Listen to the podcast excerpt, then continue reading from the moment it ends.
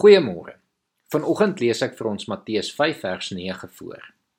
Geseend is die vredemakers, want hulle sal kinders van God genoem word. Vrede is vir God baie belangrik. In 196 verse in die Bybel kom die woord vrede na vore. Beslis te veel verse om vanmôre elkeen van hulle aan te haal, maar luister tog saam met my na 'n paar van die verse uit God se woord. In Psalm 23 vers 2 skryf Dawid: Hy laat my rus in groen weivelde. Hy bring my by waters waar daar vrede is. Dawid sê ook in Psalm 34 vers 15: Bly weg van die kwaad af en doen wat goed is. Soek vrede en jaag dit na. In Spreuke 17 vers 1 staan daar: Liewer 'n stukkie droë brood met vrede daarbey as 'n huisvol kos met 'n getwis daarbey.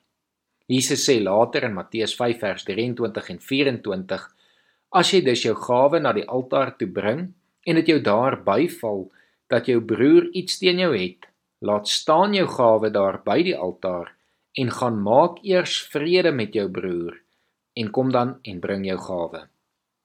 Paulus skryf in Romeine 12 vers 18: As dit moontlik is, sover dit van julle afhang, leef in vrede met alle mense. En ook in 1 Korintiërs 7 vers 15: God het julle geroep om in vrede te lewe. Deel van die vrug van die Gees is ook vrede, sê Galasiërs 5 vers 22 vir ons. Vrede is dus iets wat die Heilige Gees in jou lewe bewerkstellig. En dan in Kolossense 3 vers 15 staan daar: En die vrede wat Christus gee, moet in julle lewens die deurslag gee. God het julle immers geroep om as lede van een liggaam in vrede met mekaar te lewe. En so kan ons aangaan. Vrede is baie belangrik vir die Here. Omdat God weet vrede maak dat verhoudings werk, maak dat ons gelukkig kan wees. Deur te beklei en konflikte hê, sal ons eintlik nooit genoeg kry nie. Maar deur vrede te maak, kry ons dikwels meer as wat ons verwag. Die teksvers sê vandag vir ons, dan word ons as kinders van God erken vredemakers wat werklik gelukkig is. As ons praat van vredemakers, dan is hierdie vrede dus nie net iets waarvoor 'n mens maar wens nie, maar dit is iets wat ons doen. Dit is iets wat jy is en dit is iets wat jy bewerkstellig. Vredemaker is 'n werkwoord. In ons teksvers word daar nie net oor die begrip vrede gepraat nie, maar hier word daar oor 'n proses gepraat. 'n proses van vredemaking. Te veel mense vandag sal sê ter wille van die vrede doen hulle nou maar nie iets nie of hulle vermy maar die konflik. Maar dit is nie werklik vrede nie. Dit is 'n valse vrede. Kinders van God is vredemakers wat daadwerklik optree om ware vrede te bewerkstellig. Ongelukkig is baie min mense vandag geleer om konflik gesond te kan hanteer. Maar die Here kan ons stelselmatig deur sy gees leer om vredemakers te word. En ek wil vanoggend tog probeer om so 'n paar algemene reëls te noem wat jy dalk kan aanleer en kan begin toepas. Die eerste is dat ons altyd moet onthou 'n oplossing gesoek moet word. Ons kan nie net die konflik vermy nie. Ons kan nie maar net maak of alles reg is nie. Ons moet 'n werklike oplossing vir die onvrede in ons lewens soek. Al is dit 'n proses, al vat dit tyd, moet ons altyd probeer dat daar 'n oplossing gevind kan word. En baie keer is dit beter om langer te soek en uiteindelik die regte oplossing te vind as om maar net moed op te gee. Die tweede reël is dat daar sekere grense is wat 'n mens nooit moet oorsteek nie. Dit maak nie saak hoe vurig die onvrede raak nie, hoe kwaad mens word nie of dat jy in die hitte van 'n oomblik is nie. Ons as gelowiges moet selfbeheersing kan toepas. Die een grens wat Jesus vir ons gestel het om te onthou in Matteus 7 vers 12 is alles wat jy wil hê dat mense aan julle moet doen, moet julle ook aan hulle doen. Daarom respekteer altyd mekaar selfs in konflik. Die derde reël sluit ook aan by die tweede reël. Dra hierdie voorskrif vir vrede altyd met jou saam.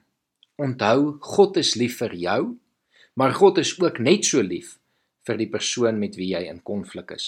Onthou dat God vir daardie persoon vir wie jy nou kwaad is of ongelukkig mee is, werklik liefhet en probeer dan om daardie persoon uit God se oë raak te sien. Die vierde reël is dat ons altyd moet onthou dat 'n verhouding behoort eintlik 'n 5 tot 1 verhouding van positiwiteit teenoor negativiteit te hê. Vir elke argument wat in 'n verhouding plaasvind, moet daar darm 5 goeie gesprekke gewees het sodat die verhouding gesond kan bly funksioneer. Vredemakers is die skeppers van 'n positiewe klimaat daar waar 'n verhouding kan groei, want dan is dit baie makliker om wanneer konflik opduik, wel vrede te kan maak. Romeine 14 vers 19 sê vir ons: Laat ons ons dan beywer vir die dinge wat die onderlinge vrede en opbou bevorder. Die vyfde reël is: onthou altyd die kruis. Jesus het gesterf om verzoening tussen God en mens te bewerk, maar ook verzoening tussen mense onderling. Die nagmaaltafel met die tekens van die brood en die wyn herinner ons ook aan die gebeure van die kruis. En daarom kan jy ook vandag jouself begin voorberei om môre die nagmaal te kan vier. Die kruis wat ook die brug is waaroor ons loop om met mekaar versoen te kan word in hierdie lewe. Die kruis wat vertel dat versoening altyd moontlik is, maak nie saak hoe sleg die situasie is nie. Jesus wil graag deur sy gees vir jou versoening in jou lewe laat realiseer. Jesus het in Johannes 14 vers 27 gesê: "My vrede laat ek vir julle na. My vrede gee ek vir julle. Die vrede wat ek vir julle gee, is nie die wat die wêreld gee nie. Julle moet nie ontsteld wees nie en julle moet nie bang wees nie." Kom ons bid saam. Here, ons kom vanoggend en ons kom bid vir vrede, Here. Ons kom bid vir vrede in ons verhoudings. Ons kom bid vir versoening in verhoudings wat skeef geloop het dat daar vergifnis sal wees, Here, en dat daar uiteindelik weer herstel in die verhoudings kan wees. Here, ons land is vol van gebroke verhoudings, vol van konflik, Here. En daarom weet ons dat U ons as gelowiges roep om vredemakers te wees. En Here, daarom kom vra ons vanoggend dat U ons ook sal help en ons sal lei dat ons die vrede wat U vir ons gegee het met hierdie wêreld sal gaan deel. Amen.